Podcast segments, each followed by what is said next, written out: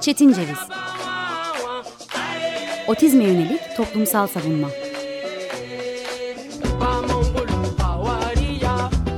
Hazırlayan ve sunan Deniz Yazgan. Zorlu Holding Sürdürülebilirlik Platformu Akıllı Hayat 2030, herkes için daha yaşanabilir bir dünya diler. Merhabalar, 94.9 Açık Radyo'dayız. Ben Deniz Yazgan, otizme yönelik toplumsal savunmayı e, evlerimizden gerçekleştirdiğimiz programımızda dinliyorsunuz. E, bugün sizler için 8 Nisan 2020 Çarşamba günü ancak biz bu kaydı 2 Nisan Dünya Otizm Farkındalık Günü'nde gerçekleştiriyoruz. Otizmin çocuklara özgü olmadığını, otizmli yetişkinlerin de olduğunu, Türkiye'deki otizmli sayısı gitgide sıklıkla artarken otizmli bireyleri kapsayan e, örgün bir eğitimin halen olmadığını ve otizme yönelik farkındalığın yalnızca bir güne sığmayacağını belirterek bu özel günün otizmli bireylere kutlu olduğu günleri dilemek artık iple çekmek isterim. 25 ee, Mart günü komşu programımız Altın Saatler ve Altın Saatler'in değerli hazırlayıcısı sevgili Gürhan Ertür'le ortak bir program yapmıştık. Ee, çetin koşullarda otizmli olma ana teması üzerinden doğal afeti, salgını, savaşı ve sürgünü tartışmak, tartışmış. Doğal afet, salgın, savaş ve sürgünde otizmli olmayı konuşmuştuk. Ee, bugün konumuzu biraz daha daraltarak ama derinleştirerek çetin, çok çetin bir koşulda e, çatışma alanında sürgündeki otizmli çocukların, parantez içinde otizmli ama ilk önce çocuk olan mültecilerin haklarından söz edeceğiz. E, ve sizlere iki ayrı evden sesleneceğiz. Kaydın diğer ucunda İnsan Hakları Avrupa Mahkemesi eski raportörü, İstanbul Barosu İnsan Hakları Merkezi Başkanı Avukat Tuğçe Duygu Köksal var. Hoş geldiniz Duygu Hanım.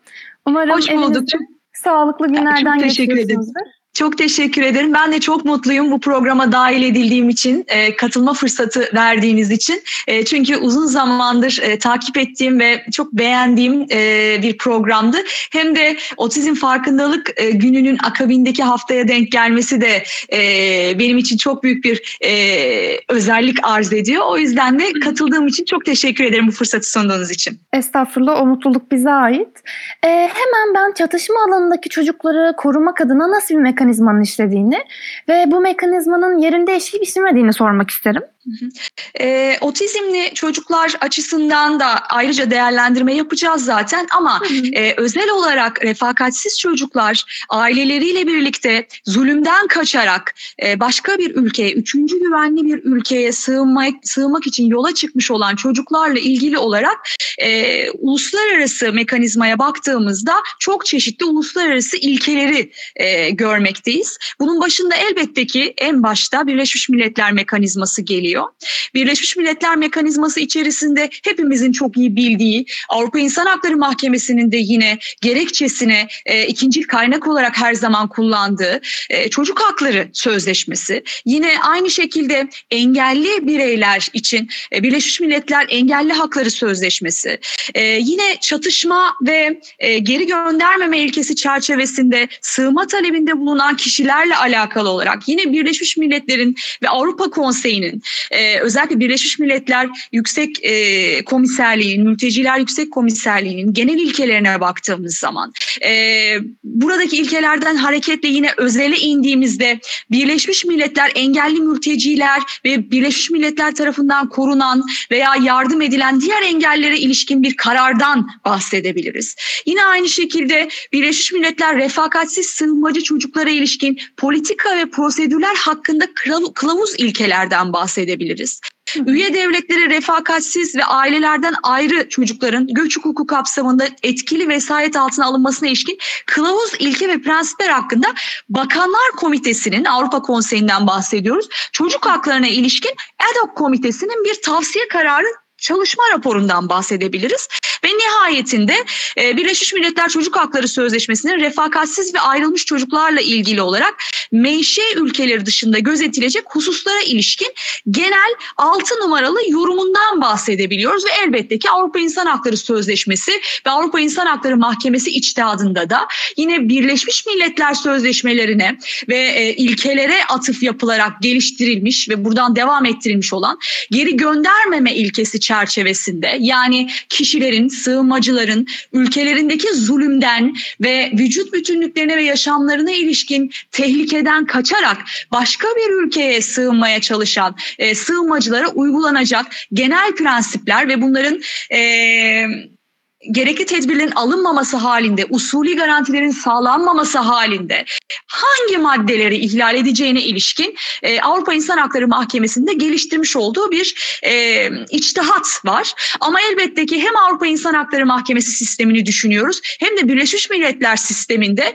özellikle e, Çocuk Hakları Komitesi ki biliyorsunuz Türkiye'nin de bireysel başvuruya artık e, izin verdiği, bunu kabul ettiği e, Çocuk Hakları Komitesi ve aynı zamanda Birleşmiş Milletler İnsan Hakları Komitesi ve yine e, Ekonomik e, Sosyal Haklar e, Komitesi'nin e, verdiği kararları ve buralardaki e, işleyen bir takım prosedürleri görüyoruz ki birazdan bunlara zaten daha detaylı olarak değineceğiz. Evet, e, çok önemli bir kelime kullandınız, refakatsizlik dediniz. Aslında evet. biz otizm merceğinden refakatsizliği düşündüğümüzde bakımdan, destekten ve sevgiden yoksunluğu aklımıza getiriyoruz. Aslında bütün çocuklar için bunu aklımıza getiriyoruz. E, bir psikoloji kuramı olarak e, bağlanmanın krize girdiği anda bakımdan, destekten, sevgiden, göz göze gelmekten, e, temastan yoksun kaldığımız ana denk geliyor aslında. Hayatta kalmanın, bir e, füzeden kaçmanın, bir e, savaştan kaçmanın, e, kandan kaçmanın e, var olduğu durumda yani bu survival dediğimiz hayatta kalmanın birinci sorun olduğu e, savaş hatlarında annesi ve babasıyla göz göze gelmeden büyümek zorunda olan binlerce çocuk olduğunu bildiğimizde ve düşündüğümüzde ise otistik davranış olarak tanımladığımız yani bağlantıdan uzaklık, göz göze gelmeme, iletişime girmeme gibi e, davranış biçimlerinin, karakteristik davranışların gelişme, gelişmesi de e, bu reaktif bağlanma bozukluğu olarak tanımladığımız e, durumun çevresel otizme dönüşmemesinde bir engel olamaz. Hatta böyle bir durum varsa bizim aklımıza ilk başta çevresel otizme dönüşme tehlikesi gelir bu kişinin e, başından geçenlerin ardından. Peki bu refakatsizliğe konuştuğumuzda e, refakatsizliğe bulunan çözüm nedir bu mekanizmalar dahilinde? Nasıl bir sistem uygulanır ya da uygulanmalıdır sizce?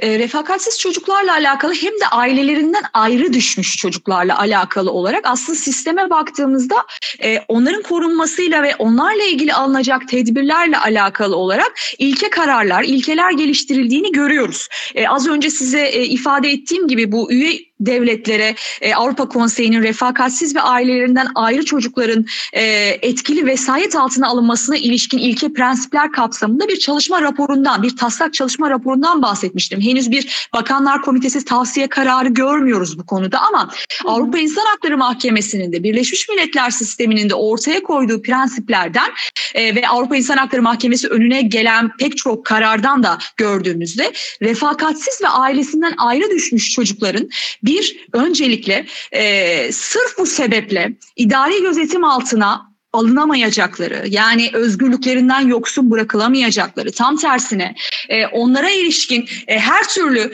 koruyucu tedbirin alınması gerektiği ve ailelerine kavuşmalarına aile birleşimlerinin sağlanmasına ilişkin e, gerekli adımların gerekli tedbirlerin e, atılması ve alınmasıyla alakalı devletlere yüklenen bir takım e, yükümlülükler var. Bunlar pozitif yükümlülükler. E, sözleşme sistemine, Avrupa İnsan Hakları Mahkemesi sistemine baktığımız zaman burada bunu özel hayat ve aile hayatı kapsamındaki pozitif yükümlülükler olarak görüyoruz. Ama aynı zamanda bunun şiddetine göre refakatsiz çocuğun üzerinde uyguladığı e, baskı ve eşiği aşmasına göre acı eşiğini aşmasına göre elbette ki bu kötü muamele yasağı ve işkence yasağı içerisinde dahi değerlendirilebilecek bir mesele. Ama buradan çıkarmamız gereken husus devletlerin refakatsiz çocukların ve ailelerinden ayrı düşmüş çocukların korunmasıyla alakalı bir takım pozitif yükümlülüklere sahip oldu.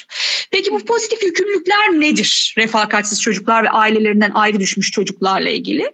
Elbette ki en başta bu çocukların e, zaten mağdur mağduriyetlerinin ve hassasiyetlerinin kırılgan durumlarının daha da artmış olduğu düşünüldüğünde refakatsiz olmaları ve ailelerinden ayrı düşmüş olmaları vesilesiyle bunların e, tek bu sebeple özgürlüklerinden yoksun bırakılamayacakları ama en önemlisi önlerindeki itiraz prosedürlerini kullanabilmek gerekli başvuruları yapabilmek, aile birleşimlerini sağlanabilmek ve ailelerine ve yakınlarına kavuşabilmek için gerekli adımları atabilmek ve devletten bu talepte bulunabilmek için öncelikle hukuki yardıma erişim hakkının sağlanması gerekiyor.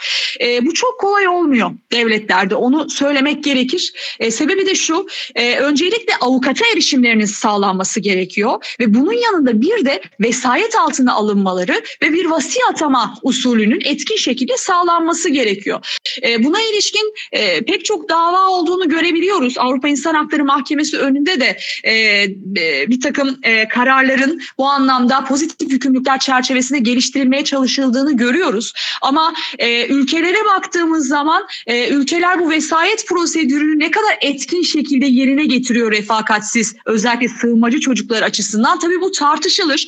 E, örneğin Türkiye'de e, Aile ve Çalışma e, Aile Bakanlığı e, çerçevesinde e, bir takım yurtlara yerleştirilmeleri söz konusu. Bu kişilerin e, refakatsiz çocukların e, geri gönderme merkezlerinde ya da e, kapalı ortamda tutulmasından ziyade e, Aile Bakanlığı'na ait yurtlarda ve barınma evlerinde diyelim e, tutulmaları ve bu çerçevede onlarla ilgili gereken işlemlerin bu şekilde gerçekleştirilmesi söz konusu. Refakatsiz çocuk yönergesi de var e, biliyorsunuzdur. Bu konuyla alakalı Türkiye açısından konuşuyorum ama mesela Avrupa İnsan Hakları Mahkemesi önüne gelmiş Yunanistan'la ilgili e, bir karar söz konusu. Rahimi kararı benim için refakatsiz ve ailesinin ayrı düşmüş e, tek başına ayakta kalmaya çalışan ve bilmediği bir ülkede, bilmediği bir dilde e, var olmaya çalışan ve ailesine kavuşmak için gerek gereken adımları atmaya çalışan bir çocukla alakalı Rahimi kararında verdiği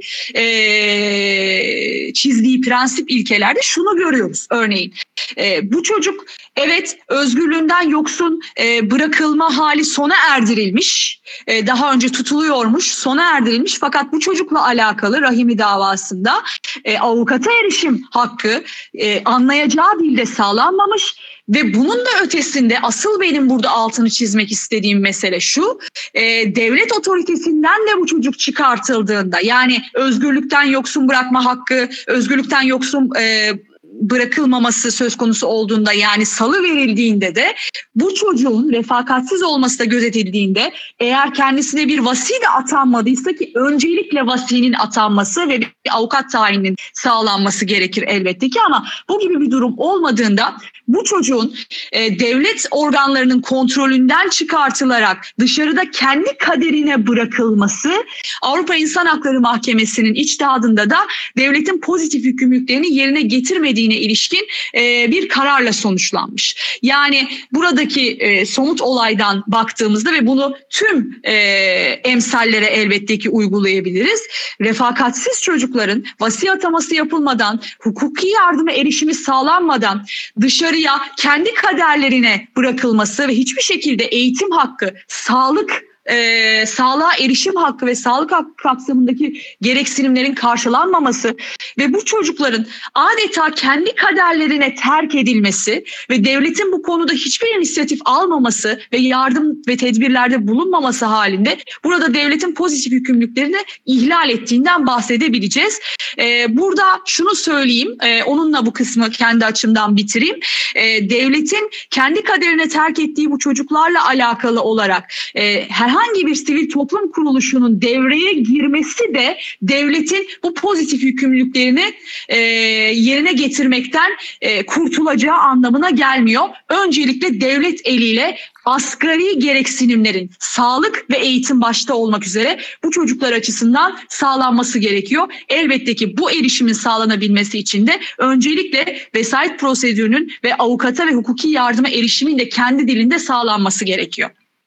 Ee, kesinlikle katılıyorum. Bu noktada aslında Strasbourg Mahkemesi'nin, Avrupa İnsan Hakları Mahkemesi'nin e, otizme bakış açısından da bahsetmek gerekir diye düşünüyorum. E, evet. Bu kararı siz bana önermiştiniz. Dupan ve Fransa kararı benim e, için çok ufuk açıcı bir karar olmuştu. E, Dupan ve Fransa kararında aslında kaynaştırma öğrencisi olarak örgün eğitime dahil bir okula kaydedilmek istenen bir otizmli bireyi görüyoruz. Ancak bu otizmli bireyin yarı medikal, yarı akademik bir bakım evine yatırılma kararıyla yüzleştiği anlaşılıyor. E, Samlısoy ve Türkiye kararında usulü problemler olsa da aslında iki kararda da mahkeme e, eğitimi sınırlı kaynaklarla icra edilen kompleks, girift, karmaşık bir faaliyet olarak yorumluyor. Ve iki kararında da e, özel gereksinimli çocuğun yapabileceklerine değil, yapamayacaklarına, e, yapamayacaklarına odaklanarak devletin tutumuna yaklaştığını görüyoruz. E, bu noktada aslında mahkemenin özel gereksinimleri e, gereksinimli bireyleri tanırken kullandığı otistik çocuk terimini e, sosyal entegrasyon modeline aykırı bulan e, mahkemenin hı hı. sırf bu terimi kullanması ile bile aslında kapsayıcı eğitimi algılamadığını belirtilen hukukçular da mevcut. E, ben de tabii ki bireyin tüm özelliklerinin bir kenara atılıp bireyin sahip olduğu bir kondisyon değil de e, onu tanımlayan yegane unsur olarak otistik kelimesinin kullanılmasına karşıyım. Tıp tıpkı sizi ve beni tanımlarken hukukçu deniz, hukukçu Duygu Hanım denmesinin aslında bizim birçok özelliğimizi e, bir anda ortadan kaldırması gibi düşünüyorum. Çok doğal bir şekilde söylenmemesi gereken bir sözcük olarak düşünüyorum. Ama benim bu noktada çok daha önemli bir endişem var. E, Dupin de Fransa kararında özellikle görüyoruz bunu. Mahkeme kapsayıcı eğitimi tanımlayamıyor. Yani kapsayıcı hı hı. eğitim olabildiğince fazla çocuğun eğitimsel ihtiyaçlarını karşılayabilmek adına geliştirilen veya adapte edilen e, esnek bir sistemken mahkeme yüksek çıtaların belirlendiği, bu çıtaların e, uyulması zorunlu olarak görüldüğü ve omurganın oldukça katı olduğu sisteme entegre olmanın zorunluluğunun altını çizdiğini görüyoruz. E, bu noktada kapsayıcı eğitimle bütüncül eğitim arasındaki farkı algılayamadığını fark ediyoruz. Bu benim aklıma aslında e, üstünde sıfır atık yazan plastik poşetleri e, getiriyor benim aklıma. Çünkü e, anladığım kadarıyla Strasbourg'un da otizmi algılaması için daha çok uzun bir süresi var. Tıpkı bizim plastiğin de bir atık olduğunu anlamamız için upuzun bir süremizin olması gibi. E, bu noktada ama dünyanın bize ne kadar süre tanıyacağı çok büyük bir e, soru işareti diye düşünüyorum e, bizler için. Çünkü dünyada daha geçtiğimiz günlerde e, Amerika'da yapılan araştırmada Amerika'da 54 çocukta birin e, otizmle doğduğunu, 54 doğumda birin otizmle e, eşleştiğini e, öğrendiğimize göre ve Dünya Sağlık Örgütü'nün 30 sene sonra iki bireyden birinin otizmli olacağını öngördüğünü düşünürsek e, o kadar da fazla uzun zamanımız olmadığını düşünüyorum. Bu noktada parantez içerisinde otizmli ama çocuk ve mülteci olan insanların da olan bireylerin de e, eğitim hakkından, sağlık hakkından e, nasıl dışta görüldüğü beni bu konuda çok endişelendiriyor. Hı hı. E, Bugün aslında sizlerle kayıt öncesi bir e, karardan daha bahsetmiştik. E, Romanya'ya ilişkin bir karardı evet. bu. Fransa aslında Dupin ve Fransa kararının nedenselleştirmesinde de önemli bir rol oynamıştı. Bunu da dinlemek isterim ben sizden. Şimdi az önce söylediklerinize e, katılıyorum. Avrupa İnsan Hakları Mahkemesi'nin de özellikle hem e, engelli bireyler açısından hem de özel olarak baktığımızda e, otizmli bireyler açısından e, içtihadının gerçekten hala çok geriler yerde olduğunu ve bu farkındalığı yakalayamadığını e, düşünüyorum. Bunun da e, şöyle gerekçelerini koyabileceğim.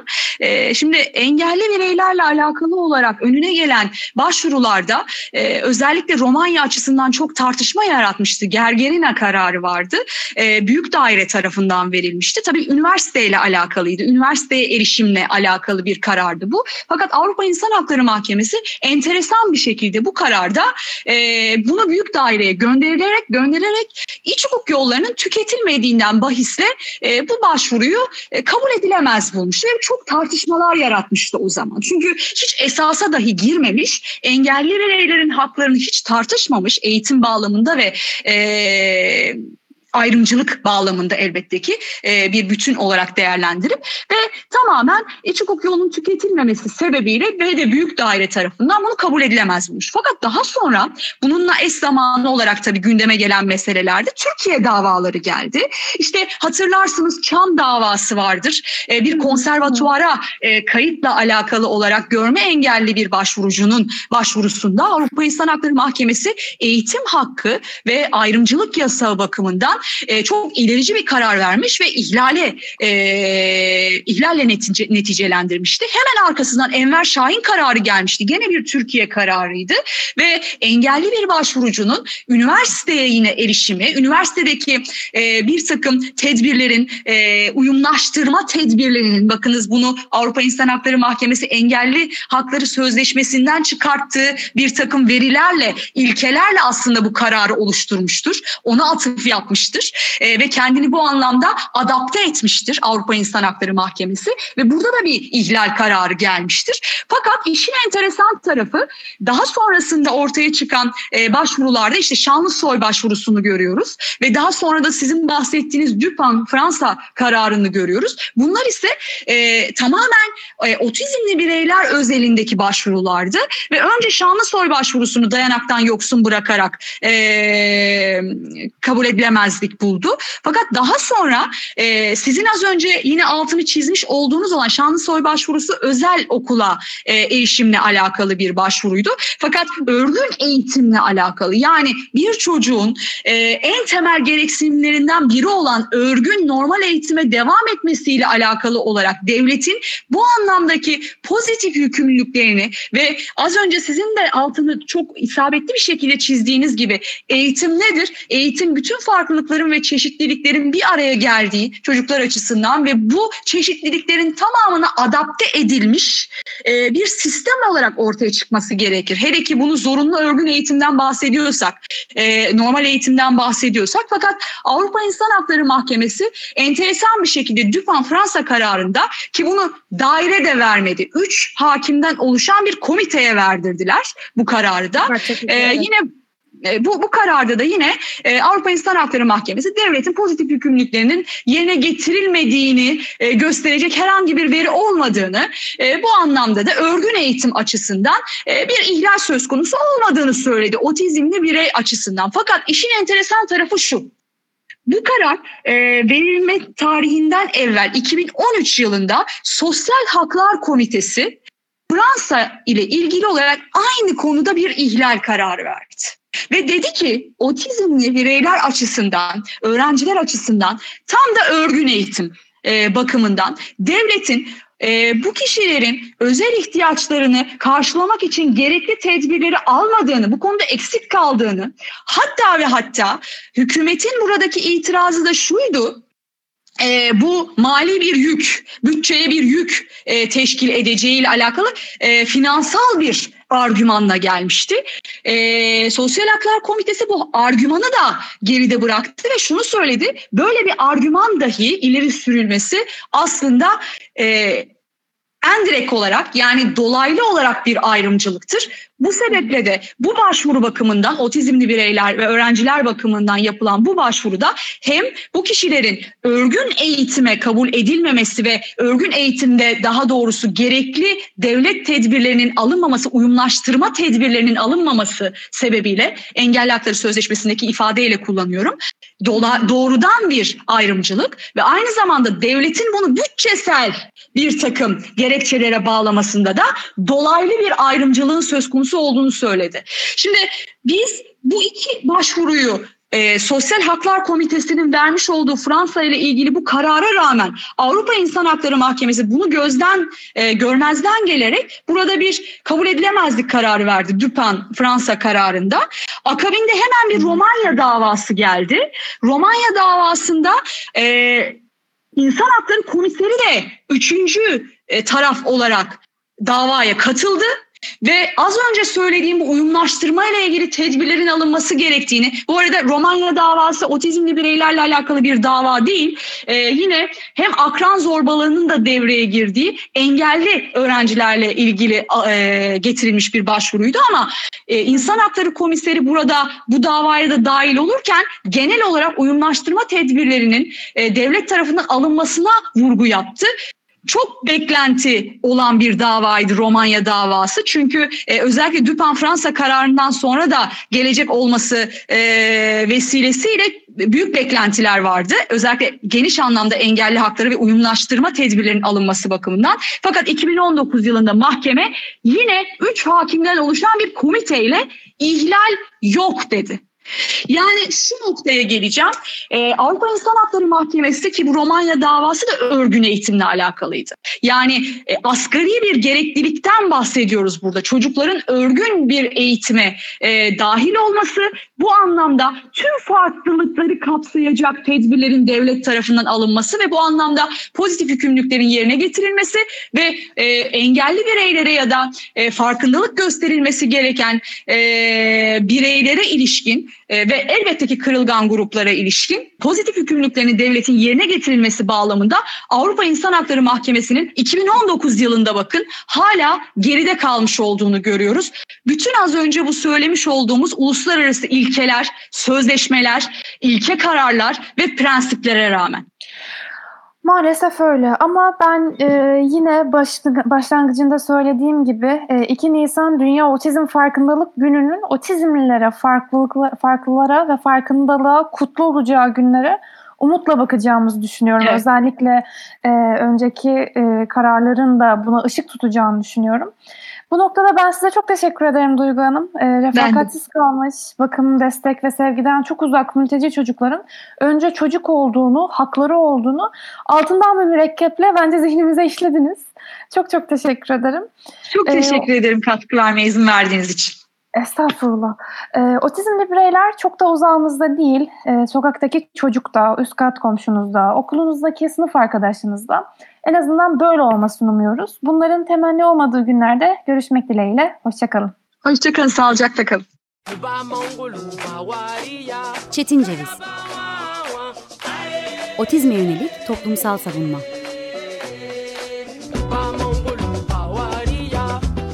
Hazırlayan ve sunan Deniz Yazgan